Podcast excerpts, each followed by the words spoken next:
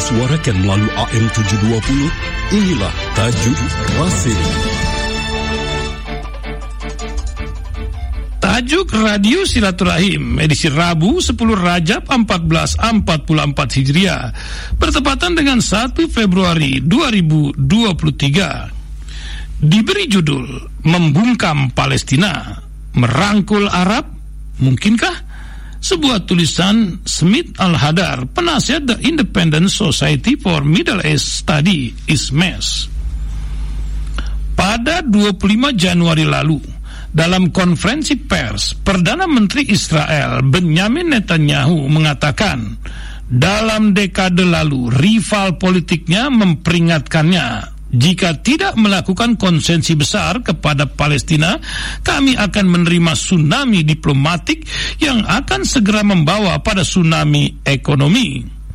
Dalam prakteknya, katanya, yang terjadi justru sebaliknya Kebijakan kami justru membawa Israel pada perjanjian perdamaian bersejarah dengan empat negara Arab, juga kemajuan diplomatik dan kemakmuran ekonomi yang tidak ada presidennya. Netanyahu merujuk kebijakan pemerintahannya terhadap Palestina sejak intifada kedua berakhir pada 2005 Israel secara bertahap mengadopsi kebijakan di mana pendudukan Israel, maaf, di mana pendudukan Palestina sejak 1967 diperlakukan sebagai masalah keamanan bukan politik. Tembok-tembok dibangun mengelilingi tepi barat dan Israel yang relatif aman dari serangan Palestina Tindakan keras militer dilakukan. Di pihak lain pada 2020 Uni Emirat Arab, Bahrain, Maroko dan Sudan menandatangani perjanjian perdamaian dengan Israel.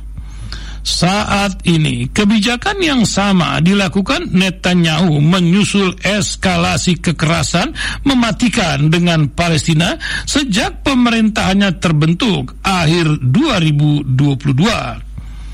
Namun, kebijakan ini diragukan akan berhasil. Setelah membunuh 30 warga Palestina di kamp pengungsi Jenin dalam sebulan terakhir, berpuncak pada pembunuhan 10 warga Palestina pada 26 Januari. Sebelumnya, kelompok jihad Islam di jalur Gaza menembakkan dua roket ke Israel di balas serangan udara. Perdamaian empat negara Arab dengan Israel lebih terkait dinamika politik di kawasan, bukan wujud apresiasi mereka atas kebijakan Israel terhadap Palestina. Maroko bersedia berdamai dengan Israel sebagai imbalan Amerika Serikat di bawah Presiden Donald Trump mengakui Sahara Barat, daerah konflik Maroko dengan kelompok bersenjata Polisario sebagai milik Maroko.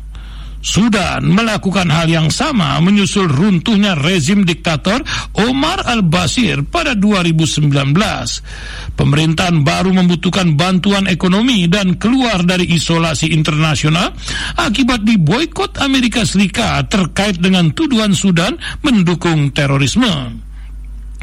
Dengan berdamai dengan Israel, Washington mengeluarkan Sudan dari daftar negara pendukung terorisme dan membuka akses Sudan ke dana moneter internasional IMF. Uni Emirat Arab dan Bahrain melihat Israel sebagai kekuatan militer di kawasan yang bisa diandalkan untuk mengimbangi Iran sebagai kekuatan militer terbesar di Teluk. Uni Emirat Arab dan Iran terlibat sengketa Pulau Tum besar dan Tum kecil dan Abu Musa di mulut Selat Hormuz yang diduduki Iran.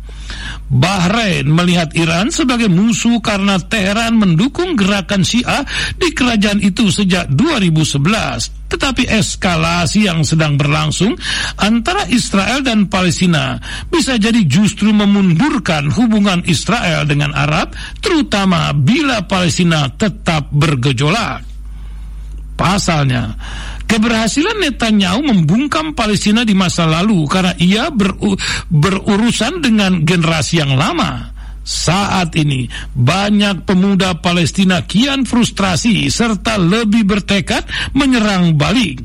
Ini yang memicu munculnya kelompok bersenjata di tepi barat pada 2021. Para pemuda ini tidak dibawa kendali faksi-faksi Palestina tradisional seperti Fatah, Hamas, dan Jihad Islam maupun otoritas Palestina di bawah Presiden Mahmud Abbas yang kian tidak populer akibat mandeknya proses perdamaian Israel-Palestina sejak 2014. Banyak dari kelompok pemuda baru ini berafiliasi dengan faksi tradisional tetapi memutuskan mengambil jalan sendiri dan berkelahi melawan orang Israel.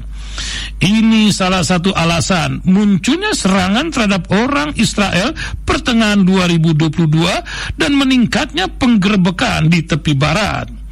Kelompok-kelompok baru ini berbicara tentang isu yang lebih luas, in irrelevansi politisi-politisi tua yang terus meningkat, yang mendominasi kehidupan politik Palestina selama puluhan tahun. Ketiadaan kepemimpinan dan munculnya kelompok-kelompok independen baru bermakna hal ini makin sulit bagi negara-negara asing mengintervensi dan meredakan situasi. Memburuknya peristiwa seperti operasi militer di Jenin mematangkan situasi. Maka insiden-insiden mendatang dapat memicu intifada ketiga seperti bentrokan di Masjid Al-Aqsa, perang baru di Gaza, pengusiran orang Palestina di Yerusalem Timur dan tepi barat, serta serangan mematikan Israel di kamp pengungsi Palestina. Peristiwa-peristiwa serupa adalah bagian dari intifada pertama dan kedua. Setelah ta setelah tahun mematikan seperti itu, mungkin intifada ketiga akan menjadi nyata. Melihat situasi yang memburuk, Menteri Luar Negeri Amerika Serikat Anthony Blinken melakukan kunjungan tiga hari ke Timur Tengah untuk mendeskal mendeskalasi situasi. Namun tanpa membawa konsep perdamaian, kunjungan itu tidak banyak berguna. Ambisi Netanyahu memperluas perdamaian dengan perdamaian dengan sebanyak mungkin negara Arab pun tidak prospektif. Artinya, sesumbar Netanyahu di awal tulisan ini hanyalah ilusi. Mestinya ia tidak berharap menenangkan orang Palestina melalui penindasan dan penghinaan sambil berharap negara lain mengapresiasi tindakannya. Apa yang terjadi di Palestina menegaskan mewujudkan kemerdekaan Palestina bukan pilihan melainkan keniscayaan. Wallahu a'lam bissawab.